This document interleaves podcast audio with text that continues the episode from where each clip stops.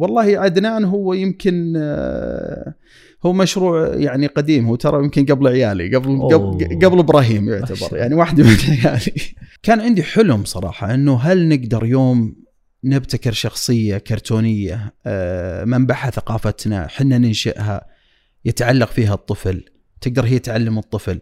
صراحة حلم كان بالنسبة لي. والله بفضل الله عز وجل اليوم عدنان آه، موجود يعني آه، مع قرابة السبعة مليون وخمسمائة ألف طفل تقريبا حول العالم. 197 دولة اللي حملوا التطبيقات ولله الحمد و...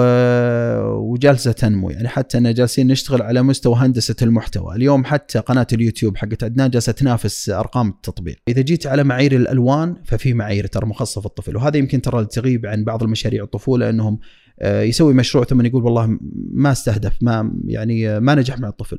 الطفل اليوم عميلك اليوم مشرك عميلك في ذوق ال- ذوق تصميمك مثلا. يعرف الألوان الأطفال وش تجذبهم واحدة من الشغلات اللي كانت تشغل باله دائما هي فقاعة النجاح. يقول دائما عندنا مشكلة إن الناس عينهم دائما على النجاح مو بعينهم على الفشل في المنظمات.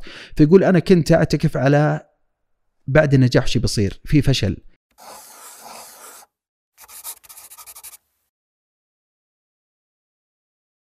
بسم الله أهلا وسهلا بكم في حلقة جديدة وضيف جديد في بودكاست كاف. ضيفي اليوم محلق في سماء الإبداع والابتكار ومهتم جدا بالتحول الرقمي، استخدام التقنية في زرع القيم وتعليم الأطفال بالذات وخدمة القطاع التنموي المهندس عبد الله بن إبراهيم اليوسف الرئيس التنفيذي والمؤسس لشركة تطبيقات الطفولة التي خدمت أكثر من 8 مليون طفل و197 دولة حول العالم.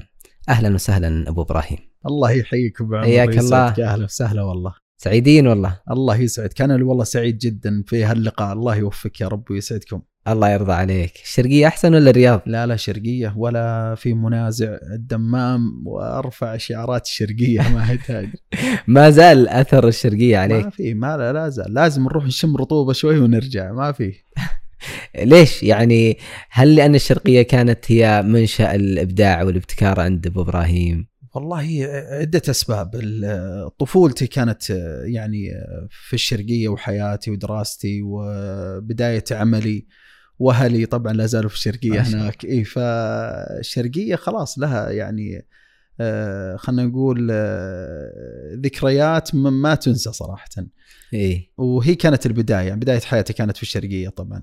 مسيرة ال- ال- ال- الدراسة والوظائف ثم بعد الانتقال للعمل الحر. كانت الانطلاقة من هناك. كل شيء من هناك. ال- الفيصل في العمل الحر والاستقالة بدأت من الرياض. آه. اي التغير كان من الرياض. الحمد لله جلجيتك للرياض أخيرا.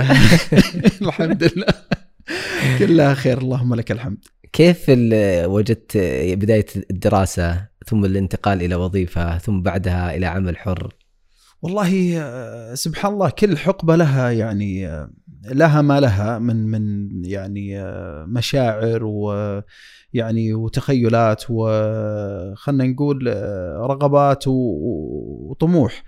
فترة الدراسة كان هم الواحد يتخرج ويقابل وظيفة يقابل حياة م. ثم يوم دخل في الوظيفة بدأ يفكر في يعني آه، آه، التطوير والاستمرار وثم يعني فكانت كل كل فترة لها شيء سبحان الله بداية آه، الإلكترونيات ثم من بعدها هندسة شبكات ثم بعدها إدارة أعمال أي نعم. وظيفة مختلفة ثم رجعة مرة سبحان ثانية الله. آه، هي فيه سبحان الله آه، يعني خلط آه، مو بسيط لكن كانت فيها يعني بناء خبرات اللهم لك الحمد على المدى البعيد وهذا فضل من الله واسع. آه، يبغالك تركز معي ترى ببدا أي ابدا أبدأ أتفرع على شغلتين في نفس الوقت. أنا طبعا كنت أدرس إلكترونيات صناعية في الدمام بدأت في, في تخصص الالكترونيات أه، أحب الشيء العملي لذلك سبحان الله توجهت في أه، مجال ال- ال- ال- اللي هو الثانويه الصناعية وتخصصت في تخصص الالكترونيات الصناعيه وفي نفس الوقت سبحان الله كان يعني شغفي في, في التصاميم والثري دي والإبداع من ذيك الأيام اللهم لك الحمد. أه، فدخلت مباشرة بالكلية التقنية كملت برضو في الإلكترونيات. هذه يعني تعتبر مجموعة خبرات لا تقل عن سبع سنوات في مجال الإلكترونيات ورسم البوردات والتخطيط وال و... وعملية الحلول ولها يعني قصص سبحان الله ما هي بسيطة. آه، ثم تخرجت ودخلت مباشرة بفضل الله عز وجل على شركة اتصالات السعوديه، هذا كان عام 2000 تقريبا. بالتزامن كان طلعت أول سجل تجاري لي في مجال الدعاية والإعلان. وأنت موظف في وأنا. موظف. أنا طبعا كان بفضل الله عز وجل جدولي مقسوم إلى عدة أقسام. الصباح إلى العصر هذا في يعني قبعة الموظف الاتصالات. كنت تخصصي في الشبكات أو المشاريع. كانت اداره المشاريع لمدة سبع سنوات في, في الدمام.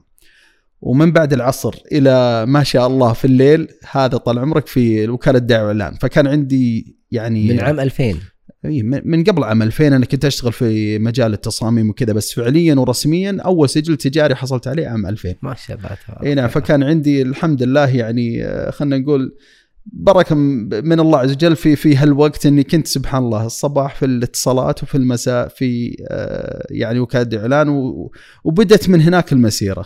ما شاء الله.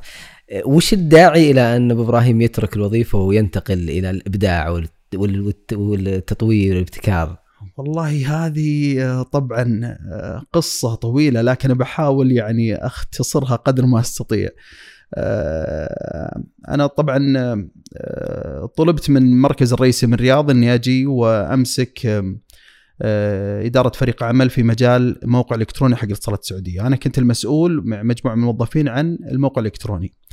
فكان بالنسبة لي الانتقال للرياض هو تغيير مجرى حياة يعني أنا عندي بزنس عندي هلي عندي ففي في شغلات كثيرة. فكنت أنتظر المقابل. ففعلا كان الانتقال لي وكان هاجسي فقط هو المقابل المالي يعني بعض الناس يتوقع المكاسب الحقيقية هي المال واكتشفت بعد فترة أنه الانتقال هذا للرياض يعني كانت المكاسب الحقيقية لي سبحان الله هي المعرفة والعلم وال وحقيقة خلينا نقول العراك في العمل لأنه اللي سبحان الله البعيد في الأفرع غير المركز الرئيسي، المركز الرئيسي أنت تشوف الشيء قدام عينك آه. والمسؤوليات تكون أكبر.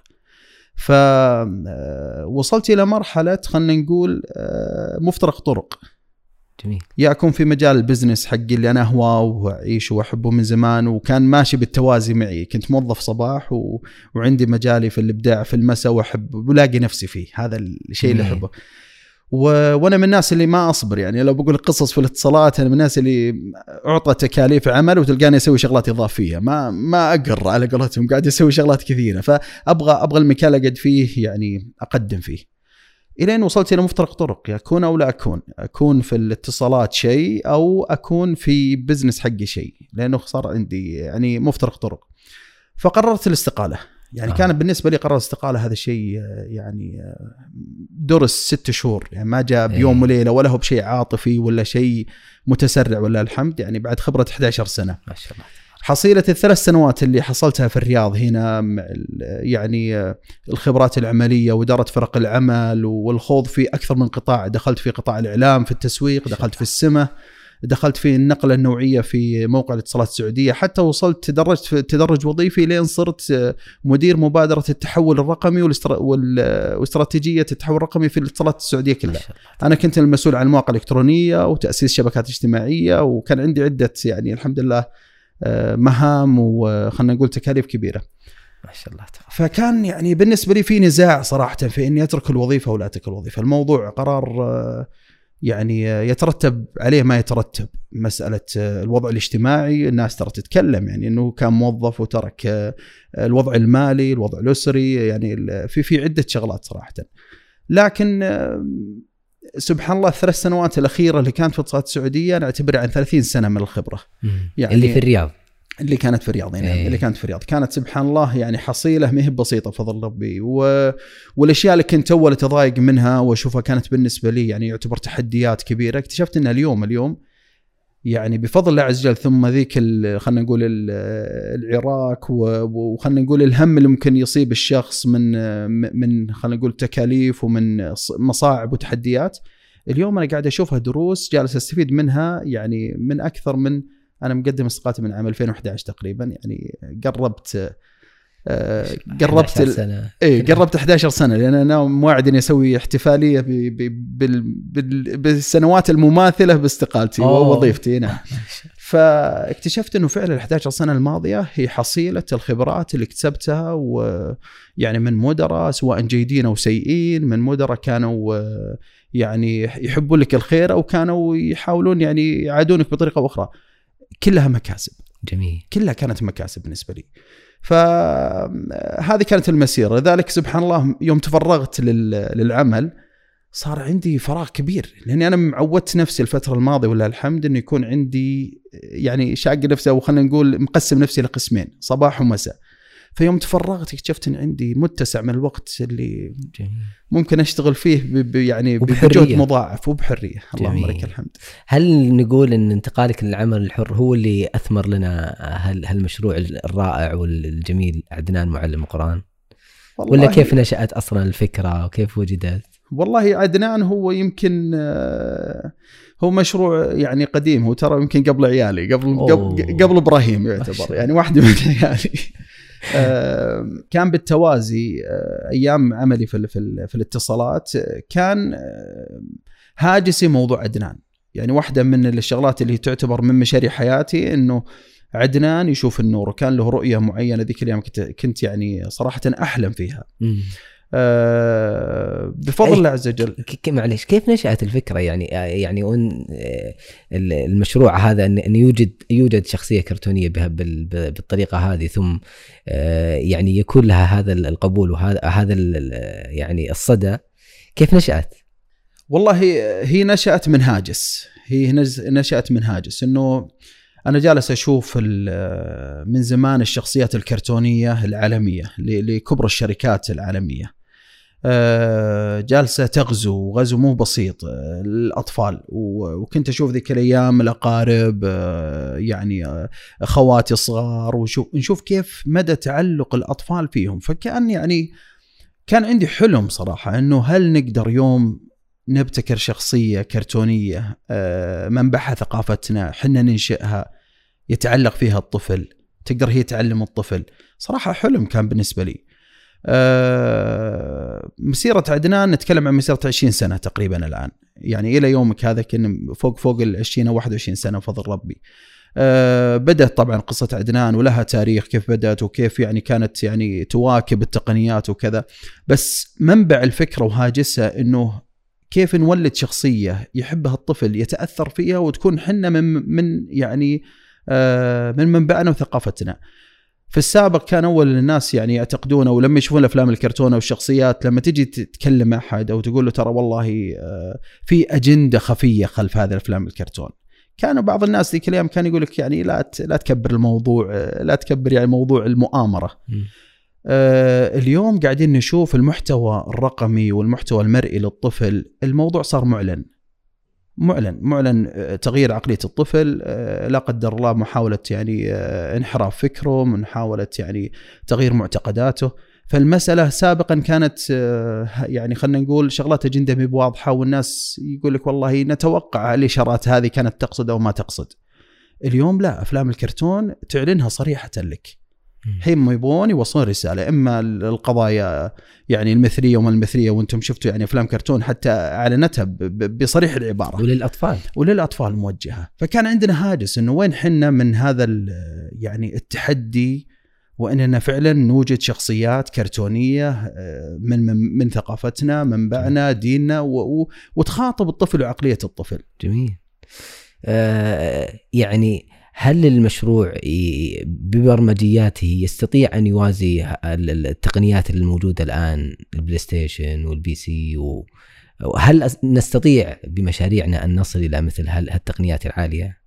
الاستطاعة نعم نستطيع لكن سبحان الله يعني هذا بحر صراحة. لا يمكن عدنان لوحده ولا مشروع عدنان لحاله يستطيع يخوض هذه التجربة لحاله. الموضوع كبير صراحة. لكن هذا ما منعنا أن نجرب ونحاول. عدنان يمكن اتجه اتجاه ثاني ولا الحمد في مواكبة التقنيات ومحاولة التأثير ومحاولة الوصول آه، لكن فعليا كان طموحنا إن ممكن نكون متواجدين على مثلا ال Xbox والسوني والأشياء الترفيهية هذه اللي جالسة اليوم بيد الطفل. لكن آه، يعني كوننا خلينا نقول آه، ما قدرنا نواكب هذه قدرنا نواكب الشغلات الثانية على الأقل مثل اليوتيوب والباقي خلينا نسميها المنصات التعليمية الموجهة للطفل والطفل اللي جالس يعني يرتادها كل يوم وجالس يمر عليها. مشاريع الطفولة هل يعني هل هل هي مخدومة الآن قيميا تعليميا بشكل بشكل كبير أو في ضعف؟ والله لا زلت أعتقد إنه يعني في ضعف. المحتوى اللي يقدم يعني من كثير من الجهات والقطاعات يعني مشكورين لا زال ضعيف لا زال ما بعد غطى الساحة. الساحة رحبة ومتعطشة لمشاريع الطفولة. وجالسين اليوم نشوف مستوى التأثير على البناء العقلي للطفل من خلال هذه الوسائل ولا بعد استغلت الاستغلال الكامل. آه، مقارنة بال خلينا نقول بال بالوسائل اللي جالسة تهدم أصلا وجالسة آه، تغذي الأطفال بثقافة مختلفة وتغذيهم بفكر مختلف. فلا زالت مشاريع الطفولة صراحة تحتاج إلى أنها تكون أكبر من من الوضع اللي هي فيه الآن. صراحة يعني لما تفكر في مشاريع تنموية وتستخدم التقنية وقيمية آه، ترى أنها أغلبها في ظني أغلبها أنها مبادرات فردية. يعني ليست مبادرات مؤسسية أو على على نطاق عالي. والله بالفعل يعني قد تكون فردية أو قد تكون يعني آه، بعض القطاعات يعني وفي كل خير قاعدين يشتغلون لكن ما خص صراحة آه، للطفل خلينا نقول الكفاية إنه إنه يحتوى بكل آه، القنوات الموجودة آه، مقارنة طبعا إذا كنا نقارن الطفل على على مستوى عالمي أي. على مستوى عالمي أنت تشوف الطفل آه، يعني إن جت على مستوى الألعاب بتحصل الالعاب اللي جالسة يعني تبنى له بأفضل المعايير وبأفضل الوسائل ومخصصة بلغته مخصصة ليست مدبلجة وليست آه، ردية الجودة يعني شيء مخصص له. إن جيت تتكلم عن وسائل الترفيه للطفل بتلقى أفضلها. إن جيت تتكلم عن المناهج أفضلها. إن جيت تتكلم عن أفلام الكرتون أفضلها. قد يكون خلف هذا الموضوع يعني آه، دعم على مستوى مثلا حكومي لهالموضوع ليس فقط أفراد وليس فقط مؤسسات.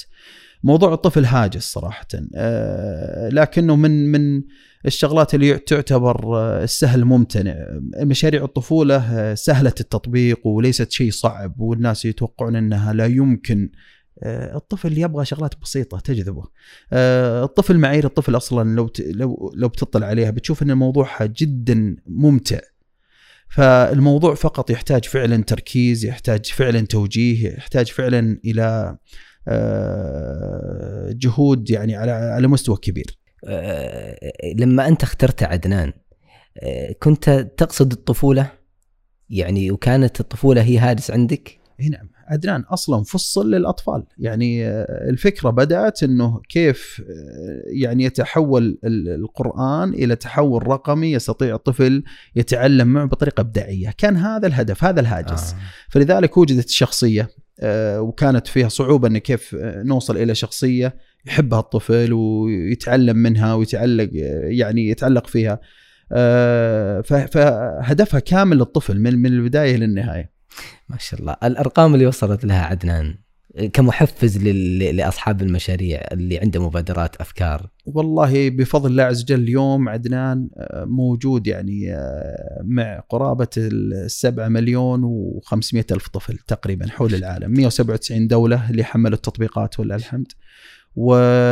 وجالسة تنمو. يعني حتى إن جالسين نشتغل على مستوى هندسة المحتوى. اليوم حتى قناة اليوتيوب حقت عدنان جالسة تنافس أرقام التطبيق. يعني آه، بدينا نهتم في قناة عدنان على اليوتيوب ونتكلم عن آه، فترة وجيزة حققنا 17 مليون مشاهدة. ما شاء الله. ف يعني بفضل الله عز وجل الأرقام تعتبر يعني ممتازة ونطمح لأكبر من هذه الأعداد بإذن الله. هواوي هواوي مؤخرا انضمت ولله الحمد ومن الأخبار الجميلة طبعا آه، هواوي طبعا آه، جانا تواصل منهم من الصين برغبة وجود التطبيق على أجهزتها طبعا بعد ما تحولت آه، هواوي إلى مركز متك... عفوا إلى متجر متكامل سابقا كانت معتمدة على الأندرويد فبعد ما انحجب متجرها من الأندرويد وصارت هي مستقلة فصارت تبحث عن التطبيقات حسب الانتشار وكثرة انتشارها.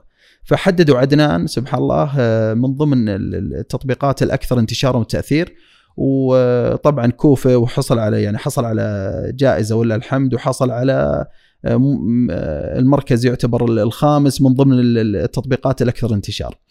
آه، وخلال فترة وجيزة بس مجرد إن تحولنا إلى هواوي تقريبا كانت التحميلات تجاوزت ال 300 ألف تحميل في أقل من شهر تقريبا. ما شاء الله. إي نعم بفضل الله عز وجل.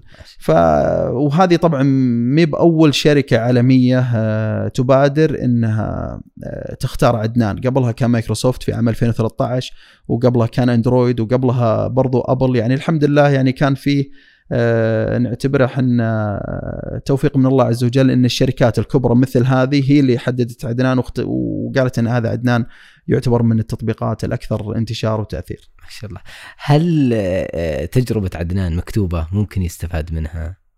والله ما بعد آه، كتبت. يمكن مكتوبة آه، خلينا نقول تدوينات مكتوبة ببعض المناسبات وما بعد والله آه، صراحة كتبت. أنا م- ما أشعر بعد أنه وصلنا للنجاح الحقيقي اللي ممكن نقول آه، يعني الموضوع يستحق الكتابة. صح هي مسيرة عمر صح بفضل وجل في نجاحات وإنجازات. آه، طموحنا أبعد من كذا. آه، ودنا نوصل له. عسى الله يقدرنا فعلا إنه يكون في قصة تكتب ويستفاد منها. هو صراحة مثل هالأفكار مثل هال يعني أنا أشوف جزء من من تأخر وجود مثل هالمشاريع أن النجاحات ما تروى يعني أو تكتب. لو كتبت مثل هالنجاحات صراحة تجد لها قبول وأيضا إلهام ل- لأفكار أخرى. والله آه، صراحة م- إنقالنا الكلام أكثر من مرة وكم مرة إنقالنا صراحة. بس ما أدري هل لأن يعني أنا شخصيا مشغول ومنهمك في في في الأعمال ال- اليومية آه، ما أدري وش اللي قاعد يصرفنا عنه لكن عسى الله يقدرنا. ممكن يوما ما إن شاء الله نكتب عنها بإذن الله. ما شاء الله تبارك الله. مجال آخر من الإبداع والابتكار. آه، المجالات الحمد لله كثيرة في الابتكار والإبداع. ال- إذا كنا نتكلم عن موضوع طباعة 3 دي على سبيل المثال آه، هذا جزء الآن من صلب عملنا مع عدنان في مسألة آه، طباعة المنتجات. عدنان اليوم آه، بعد مسيرة خلينا نقول ال- التحول الرقمي أو الوجود الرقمي آه، بدأ يدفن المشروع إلى إلى منطقة جديدة. وهذه طبعا رغبات المستخدمين. إحنا إحنا شبه يوميا نسمع مع- من المستخدم وش يبي. آه، فكنا دائما نسمع من المستخدمين ليش ما في ألعاب ليش ما في وسادة ليش ما في شنطة ليش ما في. وهذا الهاجس القديم اللي كان عندنا إنه لو نجحنا بشخصية كرتونية هل حنا قادرين إلى إنتاج منتجات لها تعليمية وألعاب وإن نواكب فعلا ال- المنافسة الدولية الموجودة في مسألة منتجات الطفل. آه، بفضل الله عز وجل اتجهنا اتجاه التصنيع قبل يمكن أربع أو خمس سنوات. وقدرنا ولله الحمد نحقق مبيعات آه، قرابة ال 47 ألف منتج تم بيعه خلال الفترة الماضية من خلال التجارة الإلكترونية. وكلها منتجات عدنان وباسم عدنان وعلامة عدنان. بل إنه إذا وصلنا أحيانا لمواقف خاصة في بداية التصنيع دائما الدفعة الأولى تجيك أحيانا مشاكل من التصنيع. أه وصلنا إلى مستوى إنه العميل يقول أه أنا معكم ما عليكم حتى لو كان في خطأ أوه. فصارت عندنا بعض المشاكل واعتذرنا من العملاء وقلنا كذا قال أبد عدنان ولدنا هذا يعني. فكون المجتمع متبني معك هذا الفكر ومتبني العلامة بفضل الله عز وجل معطتنا مساحة كبيرة إننا نغلط وإننا نعيد الإنتاج وإننا نتعثر وإننا نقول لهم يا جماعة ترى آسفين ولا زالوا يقولون إحنا عاذرينكم. هذه ترى تعتبر قوة للعلامة التجارية اللي يعني بفضل الله عز وجل آه، رسخت على مر السنين آه، بذهن الأطفال وبذهن الآباء والأمهات. طباعة ثلا- طباعة ثلاثية الأبعاد إيش آه، يعني أثرها في, في ال- طباعة ثلاثية الأبعاد أثرت علينا في التصنيع. طبعا إحنا نصنع أغلب منتجاتنا في الصين وفي تايوان البوردات الإلكترونية وهذا اللي أقول لك سبحان الله الربط بعد هالعمر كيف دراسة الإلكترونيات جاء لها أثرها سبحان الله عز وجل يعني يدبر الأمر. تدرس تخصص سبع سنوات وتقول ما راح أستفيد منه طول فترة وظيفتي. ثم يجي بعد هالعمر هذا كله آه، التوظيف الحقيقي للخبرات السابقة. آه، طباعة ال 3 دي هي طبعا تعتبر من آه، ثورة ال- ال- خلينا نقول آه، الصناعية الرابعة. آه، والآن هو التوجه الجديد لل- للتصنيع والتوجه الجديد حتى على مستوى الدول وتعتبر من التقنيات الجديدة. آه، خدمتنا صراحة ونقلت عملنا نقلة نوعية. آه، بالسابق لما نجي نسوي تصميم لأي منتج آه، في الصين لابد أنه يرسم آه، لأي مصنع إن كان. لابد إنه يرسم ولابد إنه تبين كل ابعاده ومقاساته بالمساقط كل الهندسية اليمين يسار والمسقط العلوي وغيره.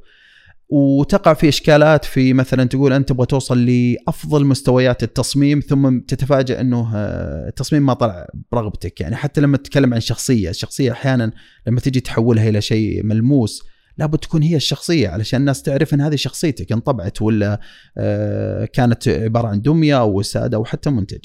فكنا صراحة نتأخر نتأخر نتكلم عن يعني آه، الحصول على العينات أحيانا نقعد ست شهور. عينة فقط. العينة اي نعم تروح وتجي تروح وتجي ثم تعدل في المقاسات ثم عشان يفهم التعديل تأخذ وقت كبير.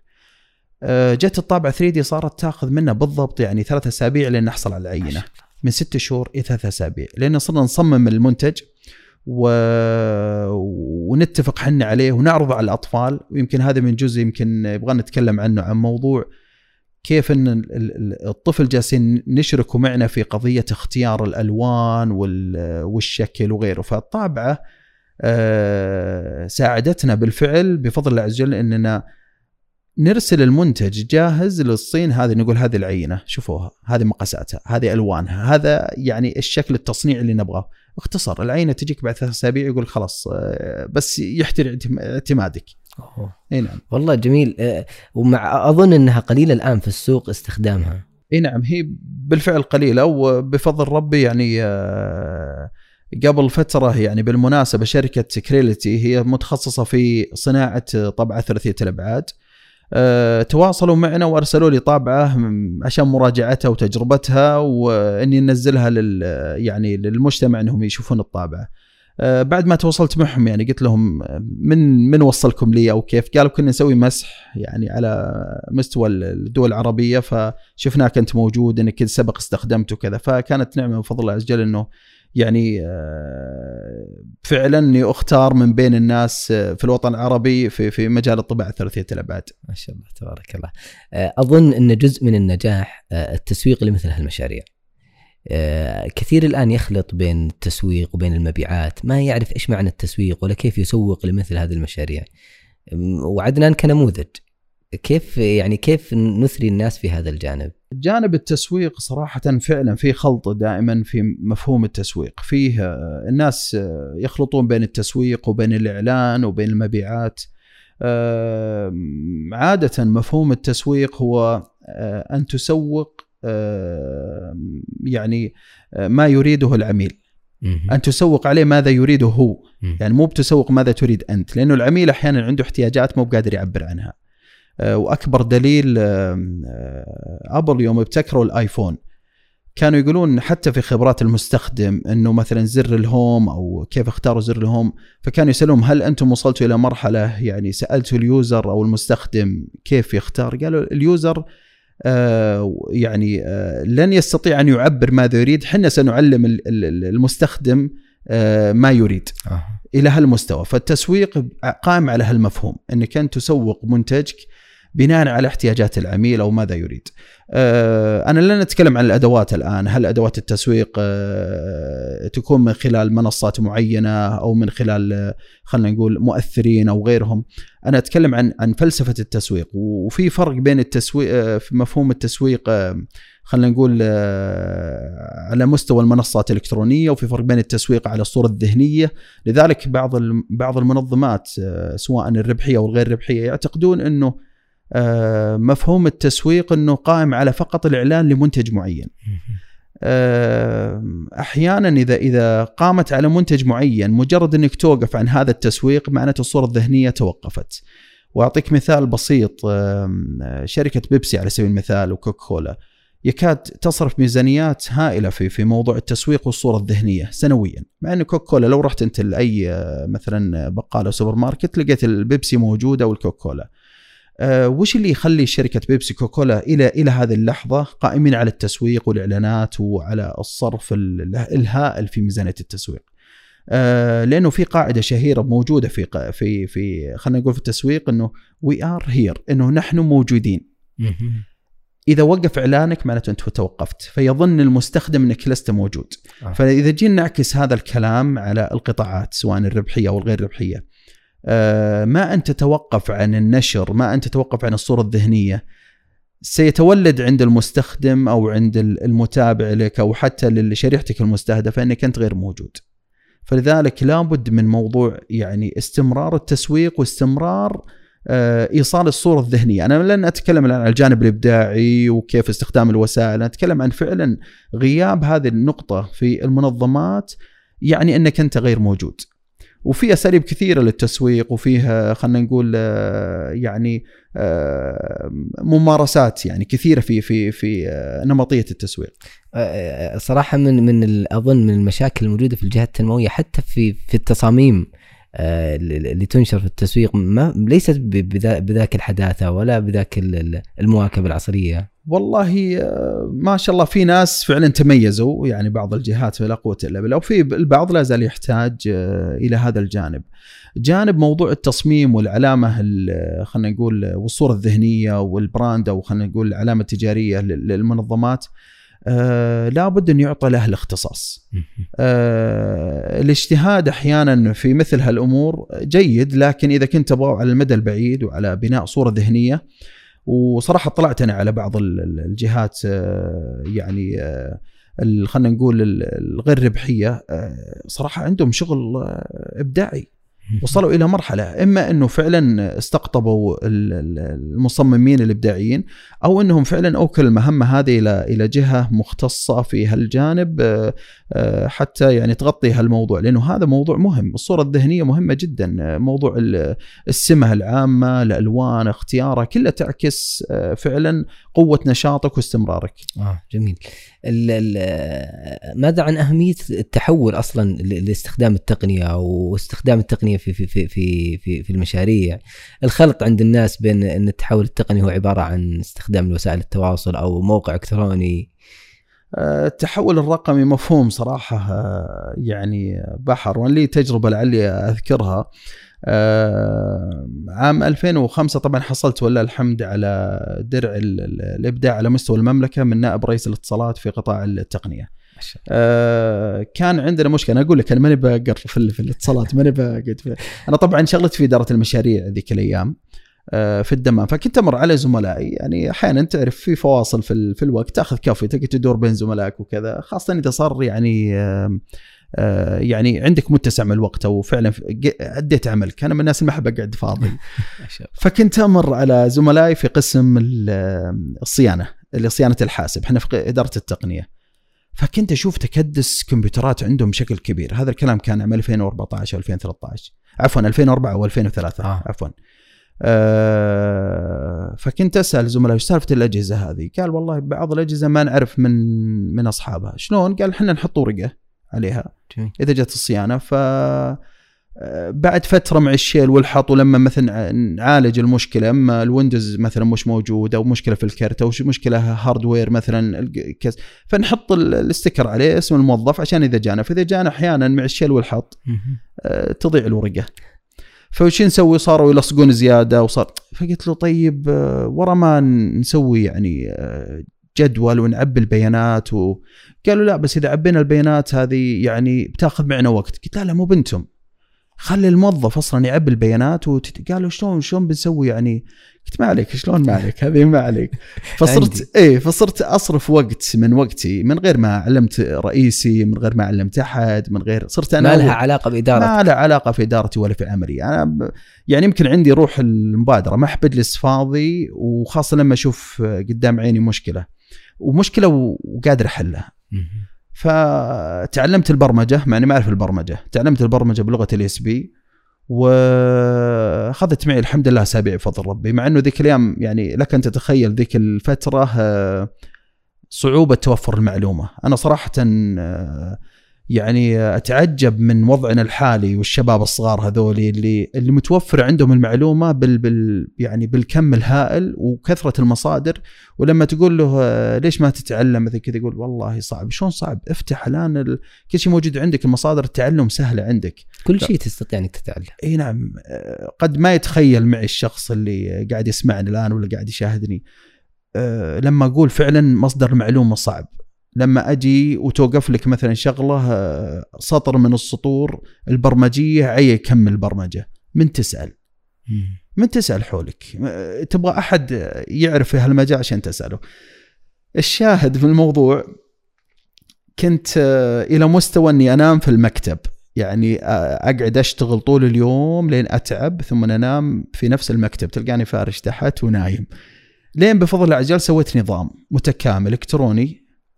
تحول المفهوم أه إيصال المشكلة خليني أول شيء نبدأ لكم المشكلة المشكلة كانت تكدس الكمبيوترات في قسم الصيانة فما عاد يأخذون الكمبيوترات زيادة وما عاد يقدرون وإذا جتهم الكمبيوترات أحيانا حتى الموظف ما يجي يأخذها. فصارت في مشكلة. تكدس الكمبيوترات تأخر القسم مو بقادر. فأنت إيش قاعد تسوي الآن؟ ركز بعينك قاعد تحلل المشكلة. أي، هذه ترى جميل. أول مفهوم في التحول الرقمي. أنت لابد تحلل المشكلة. حللت المشكلة. الآن شلون تسوي إجراءها؟ ما تبدأ في الإجراء على طول تجيب مبرمج تقول صمم. الآن تختزل المشكلة إلى آه، إجراء. أنت تسوي الإجراء في مخيلتك ثم ترسمه كإجراءات. تحط بلوكات المربع الأول المربع الثاني مثلا المربع الأول وجود مثلا المشكلة. طيب وش حلها؟ تمشي في الإجراء هذا. إلى أن تص- تصل إلى اختزال الإجراء. يعني كم كم تقدر تختزل الإجراء من مرة؟ يعني بدل ما تمشي في هالمراحل. ما بعد جينا في البرمجة. لاحظ ترى في ناس لما تكلموا طب في البرمجة على طول يلا سووا لنا موقع إلكتروني يحطوا بيانات المستخدمين. وضاعت ال- البرمجة. وين الاحتياج؟ وين المشكلة؟ ما فيه. وشلون حلها؟ بل إنك بجيك في مشكلة ثانية. أنت أحيانا في التحول الرقمي قاعد تزيد من إجراءاتك. فتهدر الموارد تهدر المال تهدر ال- القدرات. في إجراءك اللي أنت سويته. وبالأخير تقول أنا تحولت رقميا أنت ما تحولت رقميا أنت زدت ال- الطينه بالله. ف الشاهد إنه آه، سويت النظام الحمد لله. كان نظام بسيط جدا يعني مو بذاك ال- ال- المستوى لكن كان ببساطة إنه الرابط أرسل على كل موظفين المنطقة الشرقية. طبعا في البداية طبقنا على المنطقة الشرقية.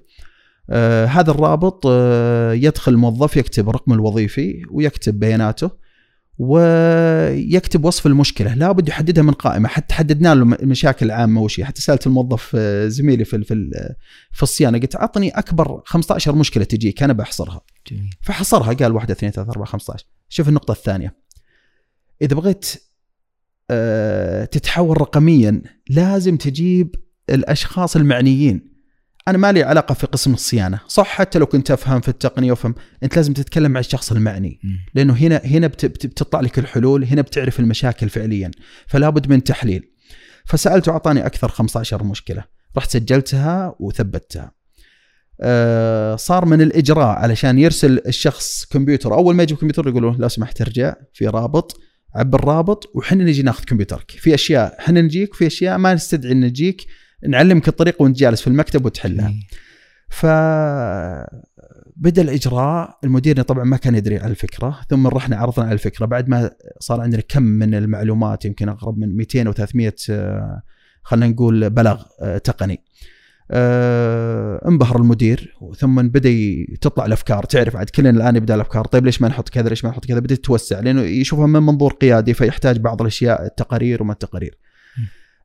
الموضوع حل مشكلة كبيرة عندنا في قطاع ال- ال- الاتصالات في المنطقة الشرقية إنه ما عاد تجي كمية الكمبيوترات وتضيع.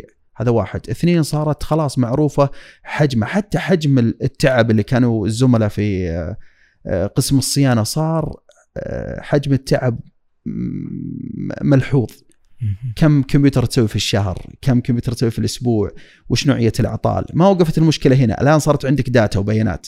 الآن كيف تتعامل مع البيانات؟ جيتهم بعد فترة طبعا بنفس الفضاوة ونفس الكوب الشاي وش عندكم؟ قال والله عندك قلت طيب اسمع الآن وش أكثر مشاكل البلاغات إحنا قمنا نشوفها الآن في النظام لقينا 65% أو 70% منها كلها مشاكل تعريف مثلا الطابعه نعم.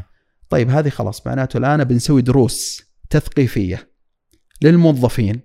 شلون يعرف الطابعه من غير ما يجينا. ذاتيا. ذاتيا. صرنا أسسنا مركز إعلامي سميناه المركز الإعلامي. وصرنا نسوي دروس. كل أسبوع لازم نطلع درس درسين. أكلمك عام كم؟ 2004 أو قديم إي نعم. فتسجل الشاشة وتشرح وتشرح كيف آلية تعريف الطابعه وترسل للموظفين. ثم بدأت تنزل نسبة الإعطاء اللي كانت تجينا. هذا هو مفهوم التحول الرقمي. التحول الرقمي هي يعني اختزال إجراءات ثم تطويرها ثم معالجتها ثم إنك تراقبها وتشوف البيانات. هل فعلا حلت المشكلة ما حلت المشكلة؟ بعطيك مثال بسيط على واقعنا الحين يمكن آه، واقعنا اليوم مثل بنوك البنوك كلها تقول لك إحنا عندنا تحول رقمي. آه، طبعا بالمناسبة أفضل تحول رقمي اليوم نشوفه ترى هو موقع أبشر. موقع أبشر تحول تحول رقمي رهيب أنه حول الناس من الإجراءات اليومية والحضورية ورقية إلى وضع إلكتروني. الآن أنت لو تبغى آه، تجدد رخصتك آه، تدخل وتضغط طلب الرخصة ثم ما تدري إلا هي جتك. وش معناته؟ هذا التحول الرقمي. اللي يعيب على بعض القطاعات الثانية لما تقول لك إحنا عندنا تحول رقمي وتحولنا تحول رقمي. وأعطيك مثال بسيط عشان بس آه، نوضح الفكرة. اليوم الهوية الوطنية لما تجي تنتهي عندك أو تقارب الانتهاء البنوك شو تسوي؟ لازم تروح تحدث بياناتك. طيب الآن بياناتي رقمية موجودة من خلال أبشر. اربط انت مع ابشر. الان شغلتك انت كبنك اربط مع ابشر لأنه انت لما تتكلم عن عدد 15 مليون آه، مواطن أو 15 مليون شخص يبي يزور البنك لتحديث البيانات. كم هدر من الجهد والإجراءات عشان تأخذ البيانات؟ كم هدر من الأوراق؟ كم هدر من من العمليات اللي بتصير؟ آه، بينما أنت لو ربطت مع مع نظام أبشر على سبيل المثال ومجرد أن تتحدث البيانات تتحدث تلقائيا عندك انتهت المشكلة. هذا هو التحول الرقمي. جميل. نفس الشيء على نطاق وزارة التجارة. مم. الآن المؤسسات والشركات مربوطة ربط مباشر مع وزارة التجارة. وزارة التجارة عندها بياناتك. اذا انتهت أنت سجلك التجاري ولا جددت من الطبيعي أنه يوقف حسابك. لكن من غير الطبيعي أنه مثل البنك يوقف حسابك يقول لي انه والله أنت ما جددت السجل. طيب السجل الموجود عندي مجدد. يقول لك تعال راجعني. كلمة تعال راجعني هذه إذا أنت لم تتحول رقميا. أنت لازلت تحتاج حضوري لازلت تحتاج الأوراق. فالتحول الرقمي مفهومه هو اختزال الإجراءات آه، تنتهي من موضوع الأوراق فعليا إلى حد كبير. ثم تعالج وتستمر في معالجة آه، خلينا نقول آه، تبسيط الإجراءات لك ولموظفينك حتى في القطاع نفسه. الريبوت يعتبر أي نعم. جزء من اي نعم الروبوت الآن جالس يوفر آه، خدمة حتى في النطاق التسويقي. يعني اليوم حنا آه، بالمناسبة آه، متجر طفولة موظفين الروبوت الرد الآلي. قاعد يرد بالمناسبة خلال شهر على مئة ألف إلى 200 ألف زائر. يرد عليهم. يجاوب استفساراتهم بل يسوق لنا. يعني أحيانا يقول إذا أنت مستخدم سابق جاء مرتين يقول تفضل هذا كود مجاني والله يحييك ويسميه باسمه الله يحييك يا فلان لأنه أخذ البيانات عنده. هذه كم موظف تحتاج ممكن يقوم بهالوظيفة؟ فلذلك توظيف الروبوت اليوم آه، أو اللي يسمونه ال bot طبعا الرد الآلي آه، من خلال المنصات الرقمية آه، يعتبر حل مو بسيط لا من ناحية آه، آه، تحليل البيانات لا من ناحية التسويق لا من ناحية اختصار الوقت عنك يعني ما يجيك ال unfiltered بعطيك مثال بسيط تخيل لو أنت فاتح الواتساب في الرد على العملاء وكل الناس جاية تستفسر منك وبالأخير اللي اللي عندهم المشاكل الحقيقية مثلا مشكلة في التصنيع، مشكلة في المنتج كان واصل لهم الكرتون غلافه مشكله يعني خربان من الشحن وغيره. لو كنت بترد على المئة ألف هذولي وكان اللي عندهم مشاكل حقيقية هم يعني 2% آه أنت خسرت يعني الرد على كل العالم هذول بترد عليه في الواتساب. البوت إيش قاعد يقدم؟ قاعد يسولف مع العالم هذول بنيابة عنك وإذا وصل للناس اللي عندهم مشاكل يفلترهم ويطلعهم لك بخانة ثانية يجيبهم لك على طول. يقول إيش تبغى تسوي؟ تبغى أرسل إيميل؟ تبغى أسوي لك آه، تنبيه إنه ترى فيه آه، أحد عنده مشكلة معينة؟ فهو قاعد يعني يقوم بدور ما هو بسيط. هذه كم موظف تحتاجه اليوم أنت في منظومتك عشان يقوم في هالمهمة هذه؟ بينما يقوم فيها البوت آه، آه، الرد الآلي في ثواني. إي نعم.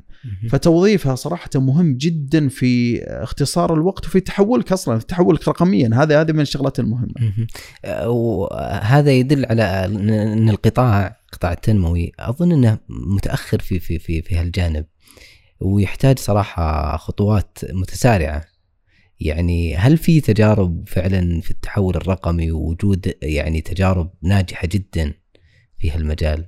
والله يمكن آه، ما بحثت أنا بشكل دقيق لكن أعتقد إنه في بعض الجهات فعلت التحول الرقمي بشكل جيد آه، لكن في بعض القطاعات لا زالت آه، لأنه لابد أن نستوعب حقيقة الفرق بين موقع إلكتروني وتحول رقمي. الموقع الإلكتروني هو فقط آه، يعني موقع آه، يعرف الناس بك آه، ممكن يكون موقع تعريفي عام. لكن لما تيجي تقول أنا بحط كل شيء في هالموقع بالأخير ما تفهم مثلا إجراءات التحول الرقمي، بعض القطاعات مثلا عنده طلبات معينة.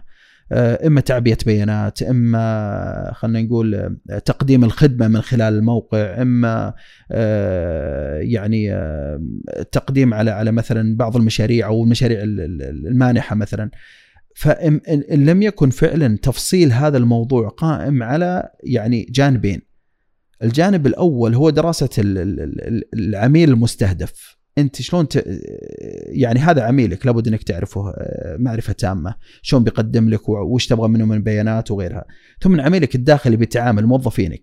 يعني مو منطقي انك مثلا تفتح منصة آه، وهذه المنصة تستقبل مثلا آلاف الطلبات وتروح تخلي موظفينك كلهم في هذه المنظومة لدراسة هذه الطلبات. بالأخير هذه هدر للموارد حقيقة. آه، مفهوم التحول الرقمي واستخدام البوت والذكاء الاصطناعي الآن اللي دخل جديد الآن عندنا هو المفترض يقوم بهالمهمات هذه. خلاص آه، أنت عندك محرك بحث يفلتر لك مثلا أعلى مثلا آه، خمسة أو أعلى 100 تتطابق بياناتهم مع ماذا يريدون موظفينك. إما مدراء المشاريع عندك أو مثلا الجهات المختصة في المنحة وين ايا يكن هذا الأمر. ثم تتكلم عن تبسيط الإجراءات. يعني كم ضغطة أنت بتحتاج للوصول لهذا الموضوع؟ هل تقدر تختزلها ولا ما تقدر تختزلها؟ كل هذا قائم على يعني على موضوع إدارة الوقت وإدارة عملك. بعطيك مثال بسيط على مسألة إدارة إدارة الوقت. أنت لما تركب الآن خلينا نقول المصعد وش تسوي أول شيء؟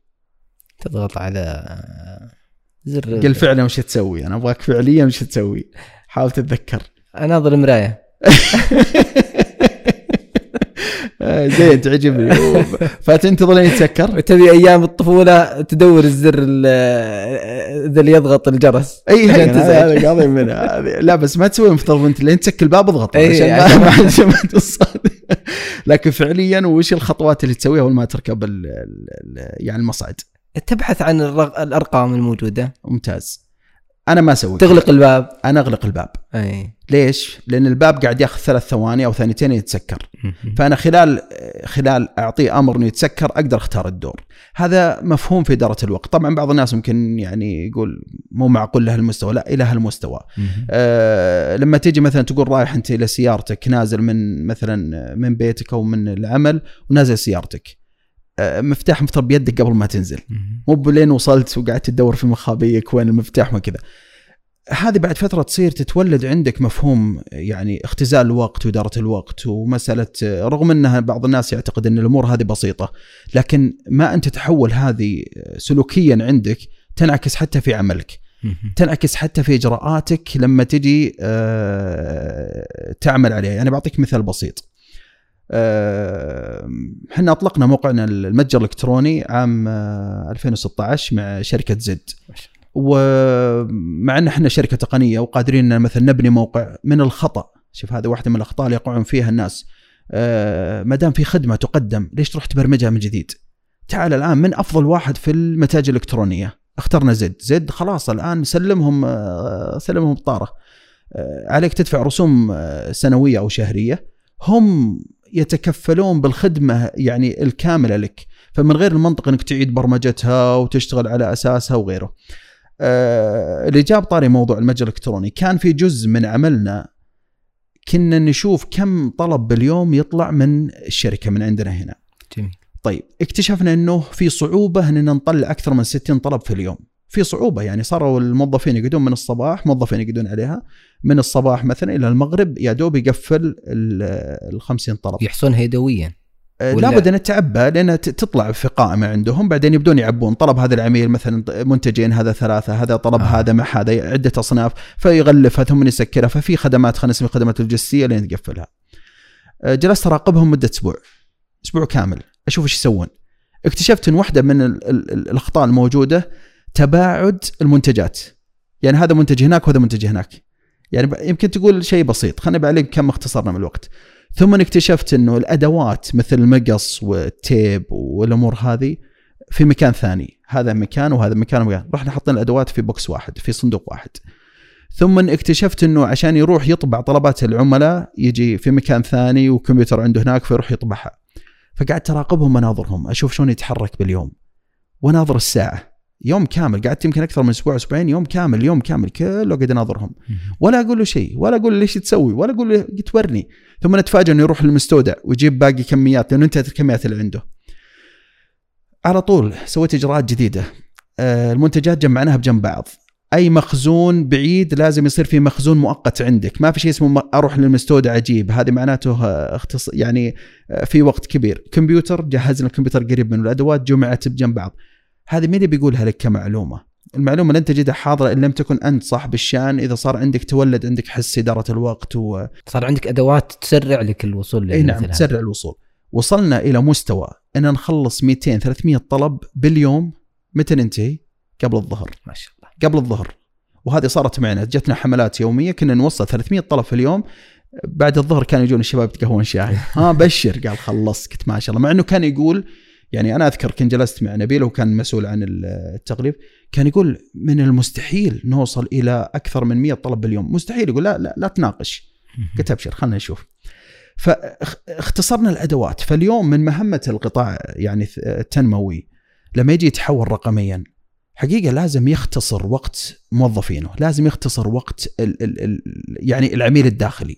العميل الداخلي مهم إنك تخسر وقته خليه يبدع خله يشتغل في في نطاق ثاني.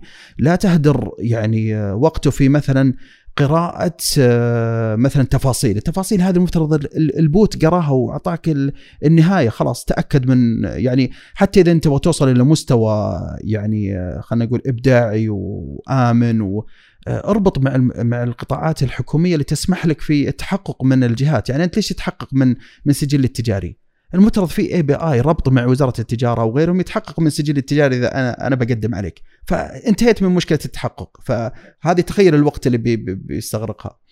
هذا يمكن بشكل عام في مسألة مفهوم التحول واختزال يعني الوقت والإجراءات. أظن إن من أكبر العوائق في القطاع الثالث القطاع التنموي إن إن التحول الرقمي يوازيه مفهوم التكاليف الباهظة. فيعزفون عن هذا بقصد إنه يا أخي هذه فعلا تكاليفها باهظة ما, تستاهل إن ندفع فيها كل هذا. هل هو حقا أصلا تكاليفها باهظة؟ هل هي تستحق إنك تدفع فيها مثل هذه التكاليف؟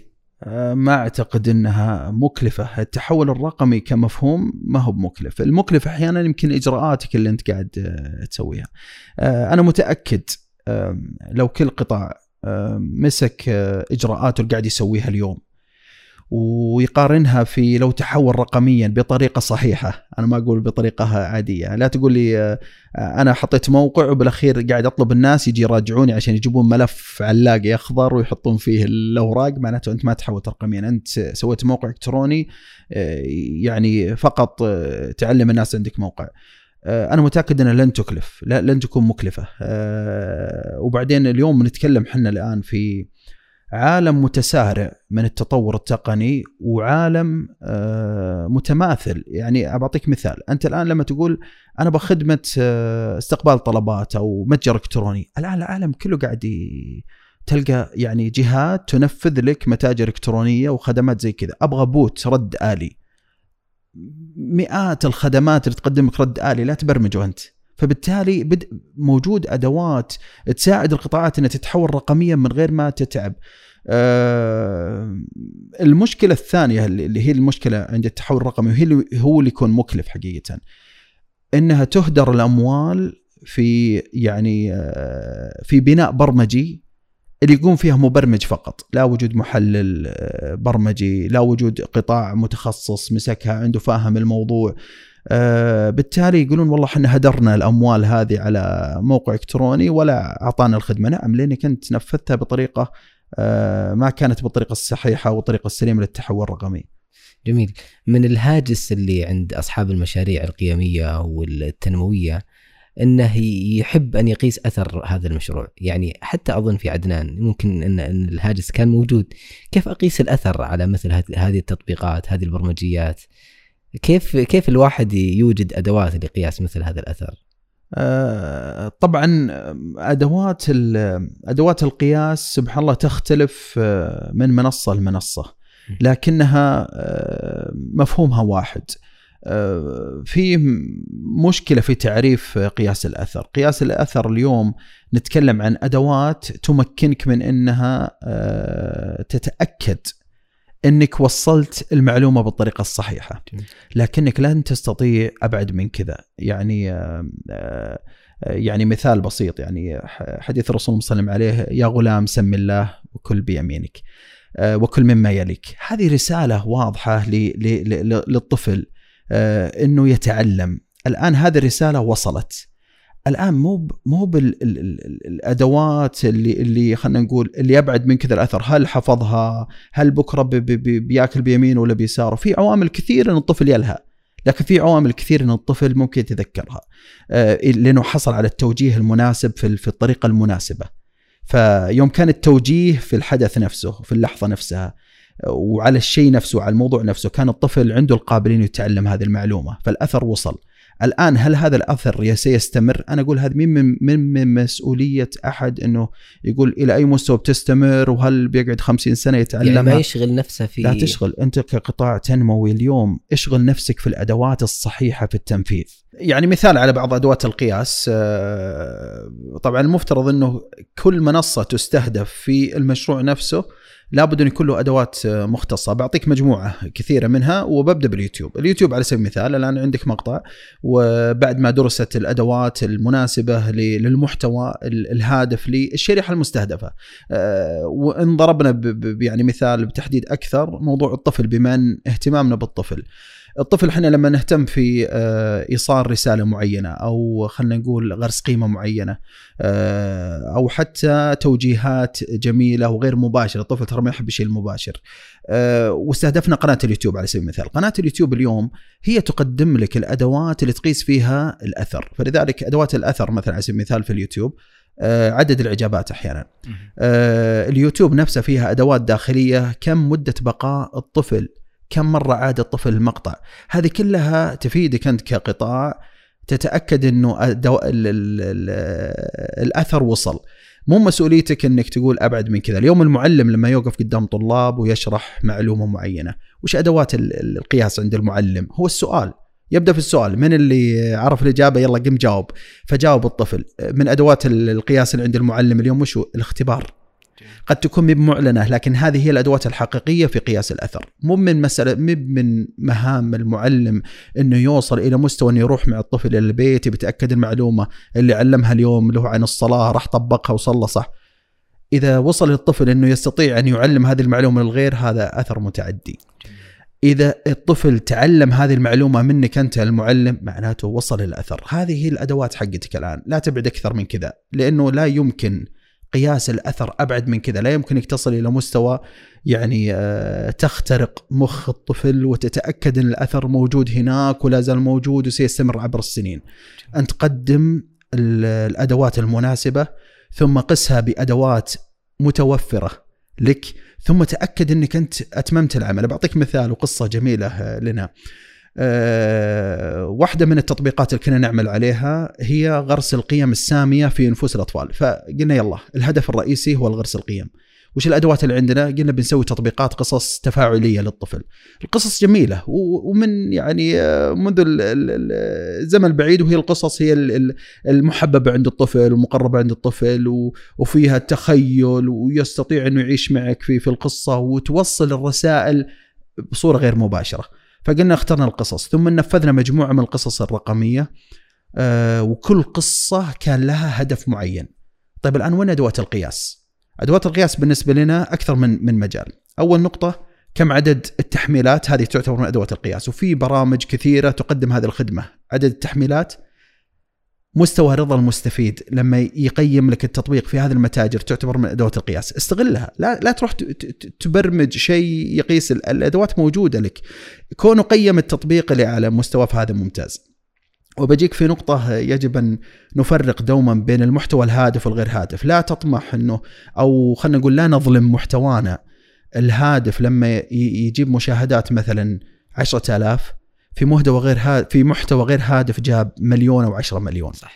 ترى المحتوى الهادف كونه حقق هذا الرقم هذا يعتبر رقم جميل. لا يعني تهلك أو تتعب آه، المعايير في مسألة إنك تبي توصل لأرقام خرافية لأنه لا قد يكون هذه شريحته فقط لا لا تبعد عنها. فلا أول شيء لا نظلمها في المقارنة. جميل. آه ثاني نقطة نستخدم الأدوات المتوفرة.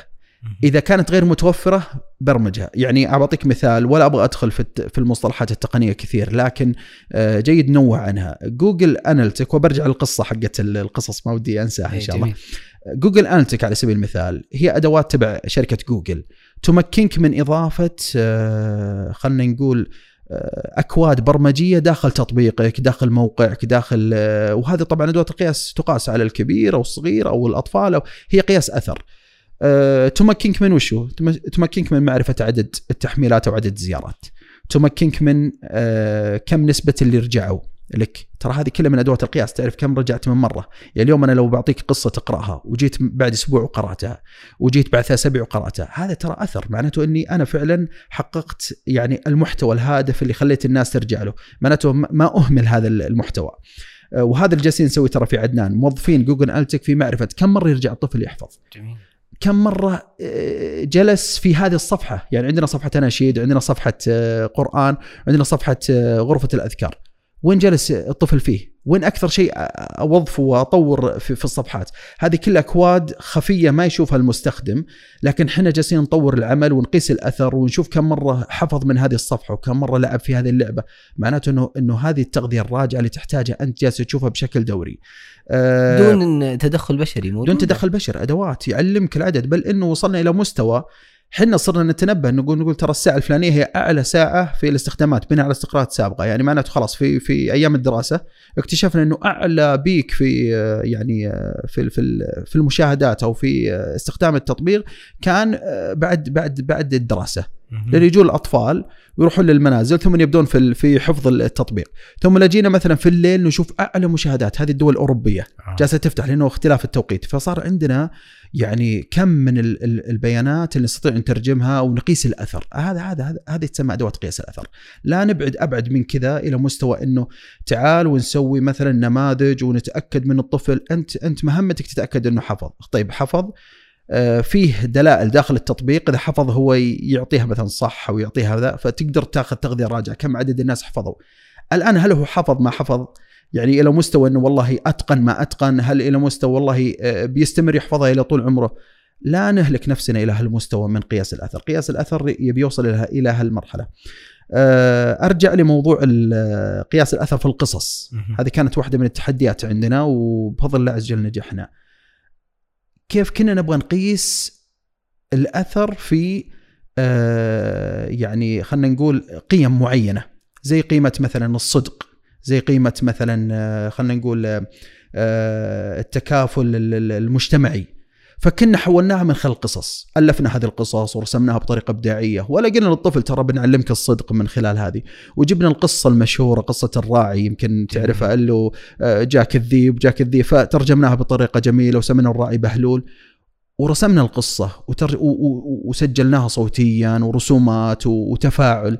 طيب الآن أنت مكنت كل الأدوات بإذن الله عز وجل اللي فيها قيمة تنمية قيمة الصدق عند الطفل وأنه أنه يتعلم الصدق ولا يكذب لأن الكذب خطر وفيه يعني آه، مهالك كثيرة. طيب كيف نقيس حنا الأثر الآن؟ كيف آه، إذا كان معنا مانحين أو آه، جهات راعية نقول يا جماعة ترى إحنا حققنا الأثر بأن جعلنا جزء كبير من الأطفال اللي قرأوا هذه القصة تعلموا قيمة الصدق الآن. آه، كانت عندنا أدوات بسيطة. الأولى إنه عدد عدد تحميلات جميل. فوصلنا إلى عدد مثلا كانت حدود 250 ألف تحميل لهذه القصة. آه، الأمر الثاني الآن كيف نتأكد من 250 قصة إنهم فعلا وصلت عندهم الرسالة؟ الآن الطفل سيفهم شيء غامض. مم. يعني الآن الراعي بهلول وقال جاكم الذيب ثم رجع القريه ثم ما صدقوا إيه ما في شيء مباشر عن الصدق. ما في شيء ما قلنا له آه، يعني طيب شلون؟ 75% كلهم اجتازوا آه، في كانت استبانة صغيرة زي أسئلة الطفل نسأله هل هل آه، يعني قرأت القصة؟ يقول نعم. آه، بس نعم أو لا ما يكتب حتى. هل كان مثلا ال- الراعي صادق ولا كاذب؟ فيقول كاذب. ثم نسأله طيب ماذا استفدت أنت؟ ودك تكتب تعبر عن مشاعرك اكتب. فبعضهم يكتبون. طبعا تجيك إجابات جميلة. اللي جاوبوا الإجابات 75% وصلت الرسالة. اللي قال لا أعلم أو لا أعرف ولا ما أعرف هذول كانوا جزء ثاني. قد يكون الشريحة العمرية قد يكون غلط بال- بالبيان ايا يكن إحنا كانت مرضية بالنسبة لنا 75% وصلت لهم الرسالة. اللي أعجب من كذا الآن تعال شوف الإبداعات. اللي يكتب لك آه، مشاعره من القصة. تعلمت إني مثلا لا أكذب ابدا حتى والدي لا يقولون كذا. طيب ما قلنا لك إحنا الكلام ذا جميل. هذا الآن قياس أثر. الآن لا تبعد أكثر من كذا. أنت وصلت الرسالة. طبعا من القصة الطريفة يعني كان من أجمل التعليقات اللي إلى اليوم ما أنساه. كتب واحد قال أنا تعلمت اني ما أكون راعي غنم. يعني هذه كانت بالنسبة لي والفريق العمل ضحكنا عليه ضحك بغينا نعلق ال- أنا أدري إنه يعني يمكن عيارة منه لكن آه، جميل التغذية الراجعة اللي تخلقها بينك وبين المستفيد. ايا يكن. فهذه تعتبر من ادوات القياس. آه، أرجع لم- للموضوع مثلا اليوتيوب على سبيل المثال. اليوتيوب تمكنك اليوم أدوات موجودة عنده. أدوات ال like الإعجاب أدوات آه، وأرجع أقول لا نظلم محتوانا الهادف والغير هادف. آه، ويجب أن نراقب أحيانا بعض المواضيع. بعض المواضيع أصلا يمكن تأخذ موجة ناقدة. فيمكن تؤثر على هذا. فلا لا لا يعني لا نظلم الأثر بانه الموجة الناقدة أثرت عليه بأنه حصل على تقييمات سلبية. وأيضا على الجانب الآخر مهم أن نستشعر آه، أثر هذه مثلا التطبيقات اللايك وغيرها نعم. إنها فعلا مؤثرة ترى وترفع من من الأثر. نعم إضافة إلى أنه في عنصر جميل جدا هو عنصر التطوير. أنت لا تجي اليوم في مشروع ضخم كبير لنفترض أنه إطلاق مثلا خمسين حلقة تعليمية للطفل وتجي وتقعد يعني تعتكف عليها من غير ما تشوف النور. طلع حلقتين. شوف الناس وش قاعدة تسوي شوف الفيدباك التغذية الراجعة من الناس من الجمهور. صدقني بتتفاجأ من كم الهائل من تغذية ال ال يعني المجتمع لها وكيف. خاصة اليوم عندنا وسائل باليد موجودة. لا تحتاج إلى تكاليف ولا تحتاج إلى صرف أموال. هذا يمكن بشكل عام في مسألة أدوات القياس وحنا طبعا كل يوم جالسين نتعلم شيء جديد في أدوات القياس. فأنا صراحة يعني أهيب الجهات اللي تشتغل في في مجال سواء قياس الأثر وغيره إنها تتأكد اولا من توظيف الأدوات ثم تتأكد من وجود الأدوات الموجودة. كل يعني صدقني أغلب المنصات اليوم الموجودة ايا تكن هذه المنصة اجتماعية أو من الشبكات الاجتماعية التواصل الاجتماعي أو غيرها هي أصلا موفرة أدوات لك. يعني بس أنت ترجمها الآن. شلون تبغى تستفيد منها الآن؟ أنت في قياس أثرك الآن. واللي يسبق هذا كله هو أنت فعلا هل عمل دراسة صحيحة في مسألة إيصال الرسالة؟ يعني لا تقعد مثلا تتعب نفسك في موضوع أصلا ما له قيمة وأثر حقيقي ثم تتفاجأ في أنه ما وصلت. إحنا اليوم نعيش نقلة نوعية في التحول الرقمي. أصبحت الأوقاف رقمية، أول كنا نتكلم قبل فترة يعني أقصى مشروع وقفي إنك تحط مسجد ولا زال طبعا وفي كل خير، لكن أقصد إنه الآن بما إنه عندنا الوسائل الرقمية في هناك طلع مساحة جديدة عندنا تسمى أوقاف رقمية. اليوم أنت يعني تستطيع إنك توقف عمل خيري كامل للقرآن الكريم من خلال الوسائل الموجودة. تقدر توقف علم ينتفع به من خلال الوسائل الرقمية. آه لابد نكون عندنا حاضرة عندنا كيف نقيس هذا الأثر وكيف نتأكد من الوسائل التقنية الصحيحة. آه كيف نستخدم الأشخاص يعني آه السابقين واللي عندهم فعلا استشراف المستقبل في مسألة وين وين المساحة الجديدة. يعني اليوم يمكن أقصى مساحة عندنا مثلا قاعدين نشوف أندرويد وأبل ثم شوي تفاجئنا طلع على هواوي. طيب إيش بيطلع بكرة؟ فلا بد يكون فعلا عندنا واحدة استباق. من إي نعم واحدة من وسائل الاستباق وإن نكون عارفين. وهذا جالسين إحنا نمارسها اليوم في الشركة عندنا الحمد لله إنه عندنا استشراف في مستقبل. يعني وش خلانا نتوجه لقناة اليوتيوب قبل يعني ترى قناة اليوتيوب منشينا عام 2012 طيب عام 2012 عارفين أهميتها لكن فعليا اليوم جالسين نذوق ثمرتها الحمد لله خاصة مع خلينا نقول دراسة عن بعد وأهمية المحتوى الرقمي وقربه من الطفل. جميل. على على طاري الطفل. المعايير اللي تجذب الطفل أو اللي تستهدف الطفل من خلالها وتستطيع إنك تؤثر فيه. إحنا طبعا بفضل الله عز وجل قبل ما نطلق الشركة الشركة طبعا أسسناها عام 2014 شركة طب الطفولة. حرصنا قبل 2014 سوينا مسح يعني كامل على مستوى دول الخليج وعلى مستوى العالم وبعضها يعني كانت زيارات مباشرة لبعض القطاعات المهتمة في التعليم ومهتمة في الطفل وبعضها الروضات وبعضها حضانات وبعضها أصلا حتى شركات مهتمة في أدوات ومعايير التعلم الرقمي. اكتشفنا إنه في كم هائل من المعايير الموجودة آه، ال- خلينا نقول المستهدفه للطفل، يعني بضرب لك بعض الأمثلة. آه، إذا جيت على معايير الألوان ففي معايير ترى مخصصة في الطفل وهذا يمكن ترى تغيب عن بعض المشاريع الطفولة إنهم آه، يسوي مشروع ثم يقول والله ما استهدف ما يعني آه، ما نجح مع الطفل. الطفل اليوم عميلك اليوم مشرك عميلك في ذوق ذوق تصميمك مثلا. يعرف الألوان الأطفال وش تجذبهم. آه، في ألوان ترى تنفر الطفل. يعني بعطيك مثال على المعايير إحنا طلعنا المعايير ال- البريطانية في في الألوان. اكتشفنا إنه من ال من ال تعتبر المحظورات استخدام الخلفية البيضاء الشاشة البيضاء. عند الطفل. عند الطفل. يقول لك ممنوع تستخدم الشاشة البيضاء. هذه من معايير التصاميم. شوف لاحظ واحدة من معايير التصاميم. اكتشفنا بعد قراءه وكذا ويعني وطلع إنه يقول لك اللون الأبيض حتى عندهم في المناهج التعليمية لما يحطون النوتة أو الدفاتر يقول لك من المحظورات أن تكون الورقة بيضاء في الفصل. لازم تكون الورقة إما مايلة للأصفر أو مايلة للبني. وش السبب تتوقع؟ يعني أعطني سبب يعني تتوقع وش ممكن يكون منه؟ آه، يعني الطفل ينجذب لتغير الألوان تنويعها. الأبيض يقول لك يوصل مباشرة إلى يعني عكس الألوان عند الطفل فيرفع عنده فرط الحركة. فيقول لك فرط الحركة هذا شوف وين إلى أي مستوى وصلت المعايير. إنهم يعرفون الأشياء السلبية من الألوان اللي تؤثر على الطفل ليس فقط اللي تجذبه. طبعا لو تكلمنا في موضوع جذب الألوان وش وش اللي تجذبه هذه فيه طبعا بحر يعني من الأشياء.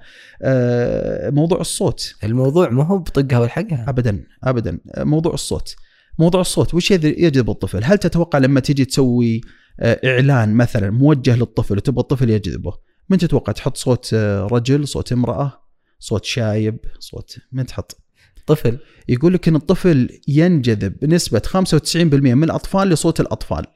ما ينجذب. لو لذلك الآن واحدة من الشغلات اللي إحنا حاطينها في عدنان ويمكن أزعجت كثير من الآباء ودائما يجينا ترى على فكرة وجتني كثير. ليش حاطين صوت عدنان مزعج؟ يا أخي صوت طفل ومزعج وحاد وعجزنا. قلت هذا يعني تقييمك ولا تقييم أطفالك؟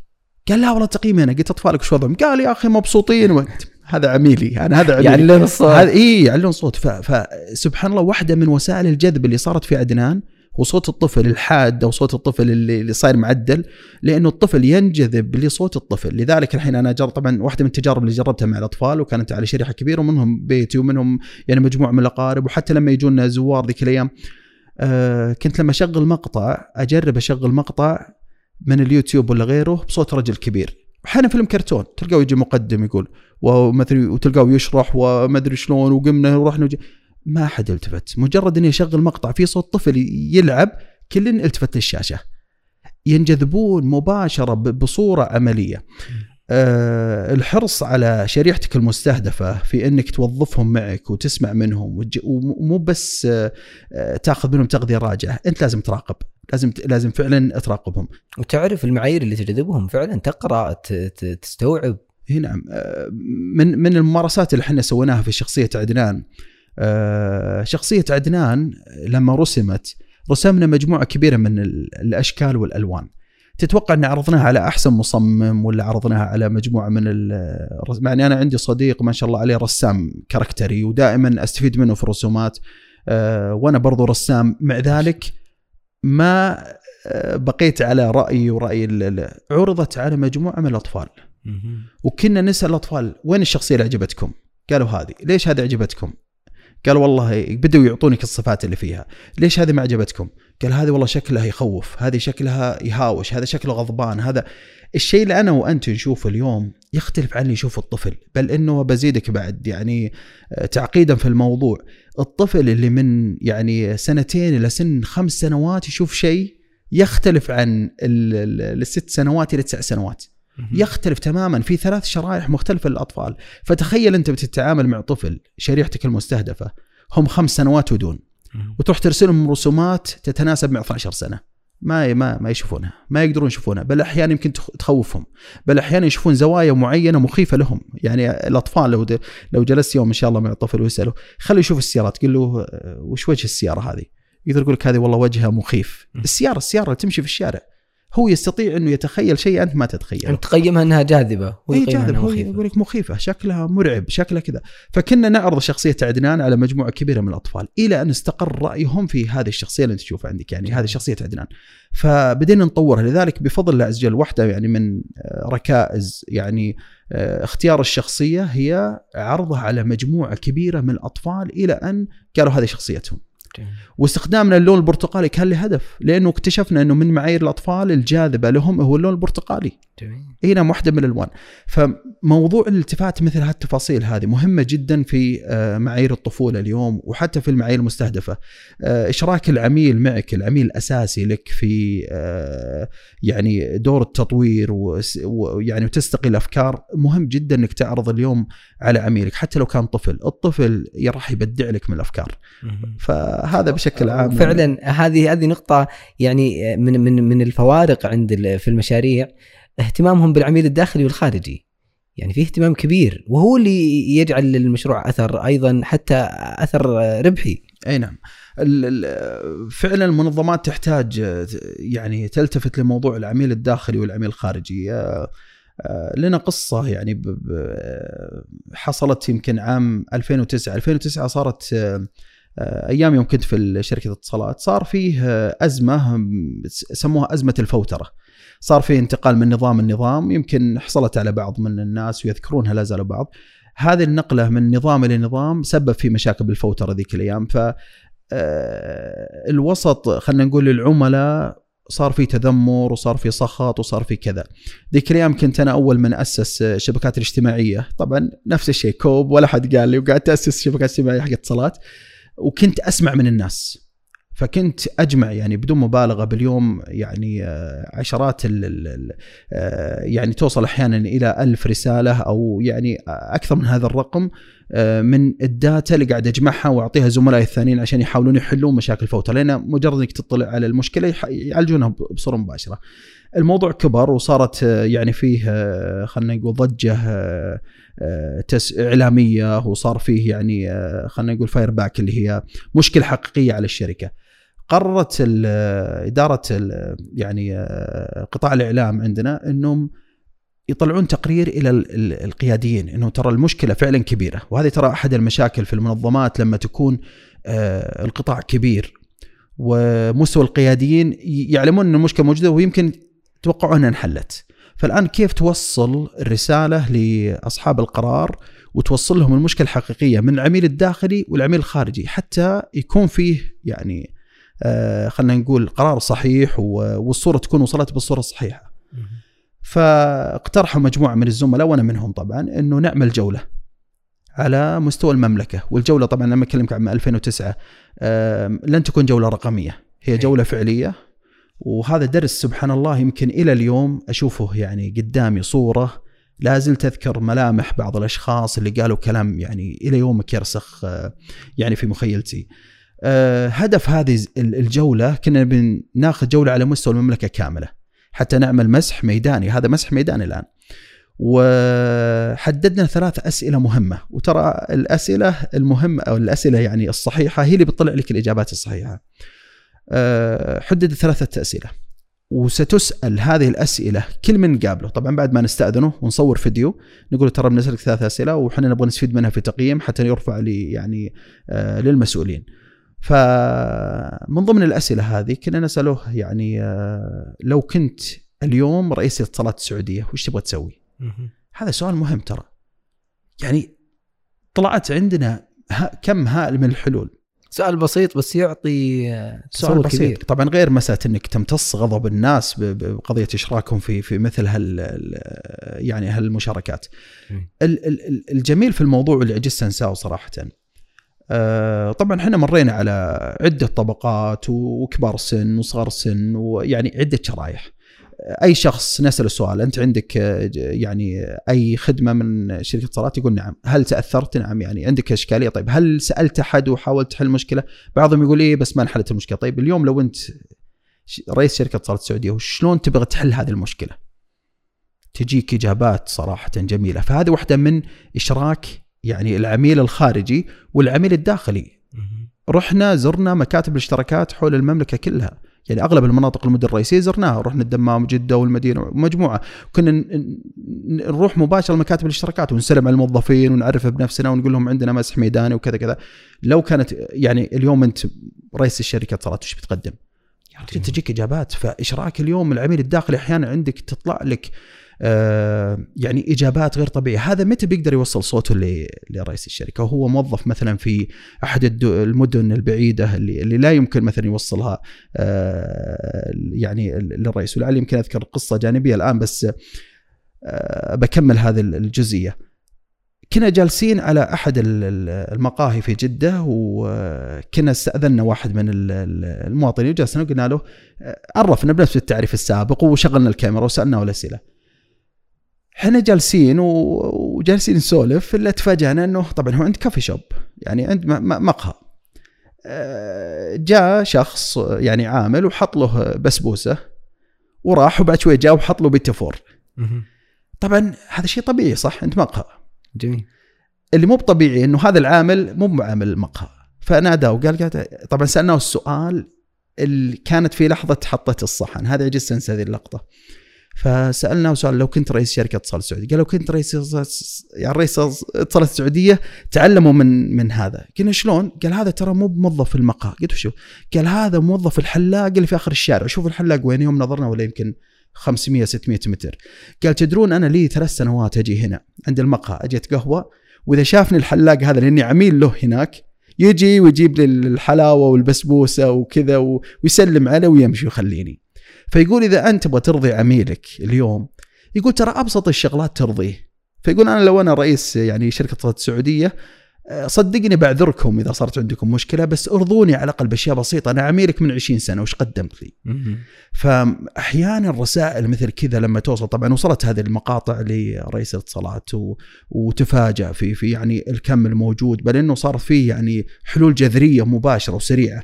فإيصال أحيانا صوتك آه، والمسح الموجود الميداني اللي يتم من خلال هذه الأفكار الإبداعية آه، هي هي هي اللي صراحة تغير من من آه، مسار المنظومة. آه، إد إد إد كاتمل هذا طبعا المدير التنفيذي لشركة بيكسار. لهم كتاب أنا أعتبر هذا مدرسة هذا الكتاب طبعا كتاب صوتي اوديبل موجود في أمازون مدته 12 ساعة. أنا أعتبرها صراحة 12 سنة من الدروس. يعني أنا أعتبر كل فقرة لازم توقف عليها. يعني كم كم جميل من القصص. مترجم ولا مو مترجم؟ والله أنا سمعته للأسف نسخة من مترجمة. أتمنى أنه يترجم لأنه صراحة كتاب جميل أصلا كتاب ورقي. وكون أصلا في مادة صوتية تسمع بالشكل هذا. آه، شركة بيكسار مرت في تحديات كبيرة ومرت في مواقف عجيبة في في يعني آه، تجاوزها. آه، والأجمل من هذا إنهم أصلا في مجال إبداعي. فلعلي أذكر جزئيتين بس من من لأنه صراحة الموضوع يعني مطول. بذكر جزئيتين في مسألة الاهتمام آه، في العميل الداخلي. أه واحدة من القضايا اللي اللي سواها إيد كاتمول. أول ما دخل في في طبعا هم وصلوا إلى مرحلة إنهم دخلوا بشراكة مع ديزني. يعني هم الآن يعتبرون ديزني وبيكسار شركة واحدة مع إنهم كانوا منافسين لهم في البداية. آه، أول شغلة يعني كانت تشغل بال آه، المدير التنفيذي لشركة بيكسار. طبعا هي مجموعة من الشغلات رتبها في في المادة الصوتية حقته. واحدة من الشغلات اللي كانت تشغل باله دائما هي فقاعة النجاح. يقول دائما عندنا مشكلة إن الناس عينهم دائما على النجاح مو بعينهم على الفشل في المنظمات. فيقول أنا كنت أعتكف على بعد النجاح شو بيصير في فشل. ليش كبر الشركات دائما تفشل بعد نجاحها بعد الفقاعة الكبيرة اللي تكون؟ فكان يبحث في خفايا الفشل هذا وجلس يسرد فيه في الكتاب صراحة شيء جميل. فواحدة من النقاط الفشل اللي لقاها قال أن الشركات الكبيرة ما تستمع للعميل الداخلي. طيب إحنا شركة إبداعية هم طبعا شركة إبداعية مسؤولين عن الإبداع وقياس الإبداع وبدخل كلام في موضوع قياس الإبداع. واحدة من الشغلات إنه فريق العمل عنده الإبداعي. لاحظ إنه اجتماعهم الدوري اللي فيه استمطار الأفكار والتفكير في المنتجات الجديدة وإشراك المهندسين والرسامين وكتاب المحتوى على طاولة اجتماعات واحدة. كان يعني لاحظ شوف هذه الملاحظة لأنه كان عنده عينه على على شيء ثاني مو بعينه على النجاح وعينه يلا بسرعة نبغى أفكار نبغى نطلع يلا طلعت الفكرة قضينا. لا لا لا موضوع أبد من كذا. كان يلاحظ إنه في طاولة الاجتماعات الكبيرة البيضاوية إنه المتحدثين وينهم فقط؟ القريبين عنده. والبعيدين يا الله يتكلم. طيب هذاك وش قصة؟ ليش ما يتكلم؟ فاكتشف إنه أكبر مشكلة في الاستماع للعميل الداخلي هي طاولة الاجتماعات. قربه. كنسلها كنسل آه. الطاولة. وش سوى؟ تفاجئوا بعد الاجتماع الثاني لقوا طاولة مربعة كبيرة صمم طاولة مربعة فصار كل يقدر يتكلم بصوت واضح. اختلفت موازين الإبداع عندهم ويعني استمطار الأفكار لأنه صار كل واحد قدام كل واحد. جميل. صار جالس يشوف الثاني يشوف الثالث يشوف الرابع. ما في أحد بعيد آخر نقطة هناك متى أسمع كلامه. وتلقاه يستحي واذا قال كلمتين على بعضها سكت. ترى هذه موجودة عندنا موجودة صح. عندنا اليوم في طاوله الاجتماع. شوف وين التفاصيل البسيطة اللي يلاحظونها واحدة من الشغلات اللي كان حريص عليها هو وكانت يعني آه، مرهقته جدا هي مسألة قياس الإبداع. بعض الناس يعتقد أن الإبداع لا يقاس لا يطور. لو كان فعلا لا يقاس ولا يطور ما تطورت أصلا كبرى شركات الإبداع مثل بيكسار وغيرهم في الرسومات الرسومات المتحركة. آه، فبدأ يبحث عن أدوات قياس للإبداع وتطوير الإبداع. ثم اتجه وين؟ اتجه لليابان، أول ما اتجه اتجه اليابان، فاكتشف أن اليابان طبعا اليابان متفوقة في العالم في الجودة. إيه. طيب معناته اذا جودة معناته لها أدوات قياس، لها آه، إجراءات في القياس، لها إجراءات في التنفيذ، لها ج... لها إجراءات. فاكتشف إنه شركات السيارات كبرى شركات السيارات في اليابان تعتمد على الجودة، عادة إحنا الجودة وين تكون دائما؟ في آخر مرحلة، بعد مرحلة التصنيع ثم آه، يعني إذا تأكدنا من المنتج وركب كذا ثم يجونك بالأخير الجودة يشيكون قبل ما يقفلوا الكرتون ويرسلون. في اليابان ما في شيء اسمه آه، جودة في الأخير، الجودة طول مرحلة التصنيع. فكان في عندهم يسمونه الزر الأحمر، الزر الأحمر هذا يوقف خط الإنتاج. الزر الأحمر هذا ما يوقفونه إدارة الجودة. أي موظف في شركة تصنيع السيارات يستطيع يوقفها لو كان عجبه أي شيء ما عجبني أنا شفت شغلة اليوم بزينة فمعناته إيش سوت آه، الشركات اليابانية؟ خلت كل موظف هو مسؤول جودة. فتحول المفهوم من إدارة الجودة إلى منظمة للجودة. فنجحت في موضوع الجودة. الآن لما نجي طبعا هذا نقلا عن إد يعني كيف كان يتكلم المدير التنفيذي لبيكسار كان يقول أنا الآن كيف أنقل مفهوم الإبداع بنفس مفهوم الجودة اللي نجحت في اليابان؟ فسوى أول نقطة طاولة الاجتماعات. ثاني نقطة سوى المكتب المفتوح خلى مكتب مفتوح وكان عنده مكتب بحكم إنهم صار فيه شراكة بينه وبين ديزني خلى مكتبه يتوسط بين المبنيين وبنفس الأدوار بل أضاف شغلة ثانية. راح حط الأدوات الكافي والقهوة وهذه خلاها قريبه من باب مكتبه وفتح المكتب. يقول عشان يسهل وصول المعلومة لي وأعرف كل صغيره وكبيره في الشركة. يعني أنت لما تيجي تصلح كافي ونرجع موضوع يجي زميلك. يجي زميل ويسولفون عندك عند الباب فيبدون يسولفون مع مين؟ مع المدير التنفيذي للشركة. فمسألة انك قرب لي إبداعك. تعال لا تبعد عني أسمع منك أسمع من الرسام أسمع من أي موظف في الشركة أسمع منكم. هذا المفهوم ال- الكبير آه، نقل الشركة نقلة نوعية أنا ما أبغى أتكلمك عن أرباحهم وعن تطوراتهم اليوم وين واصلين لكن هذه كلها آه، عفوا آه، هذه كلها قاعدة اليوم تندرج في في في أدوات وادوات تطوير ال- ال- المنظومة والاستماع للعميل الداخلي بالدرجة الأولى، أنا ما بعد انتقلت إلى طبعا تجربتهم في العميل الخارجي وكيف قاعدين يشتغلون فقط في العميل الداخلي. أبو إبراهيم بعد هذا الإبحار في, في جوانب عديدة والتركيز على عدنان معلم القرآن وغيرها من المشاريع. إيش طموحات أبو إبراهيم كشخص وكشركة للطفولة؟ وأيضا إيش آماله وتطلعاته للقطاع التنموي والقطاع غير الربحي؟ الله يعطيك العافية. ال- والله الطموحات ما لها سقف يمكن أحيانا الإجابة تصعب على الواحد إنه آه، يقول وين طموحاتي لكن آه، صراحة يعني أحلم يوما ما إنه يكون عندنا صراحة صناعة لل يعني آه، للمنتجات التعليمية المخصصة للطفل آه، يعني من وطننا ومن ثقافتنا ومن منبعنا ومن هنا فواحدة من طموحاتي وحلمي إنه فعلا يكون عندي خط لتصنيع هذه المنتجات ونخدم الطفل بشكل كبير صراحة.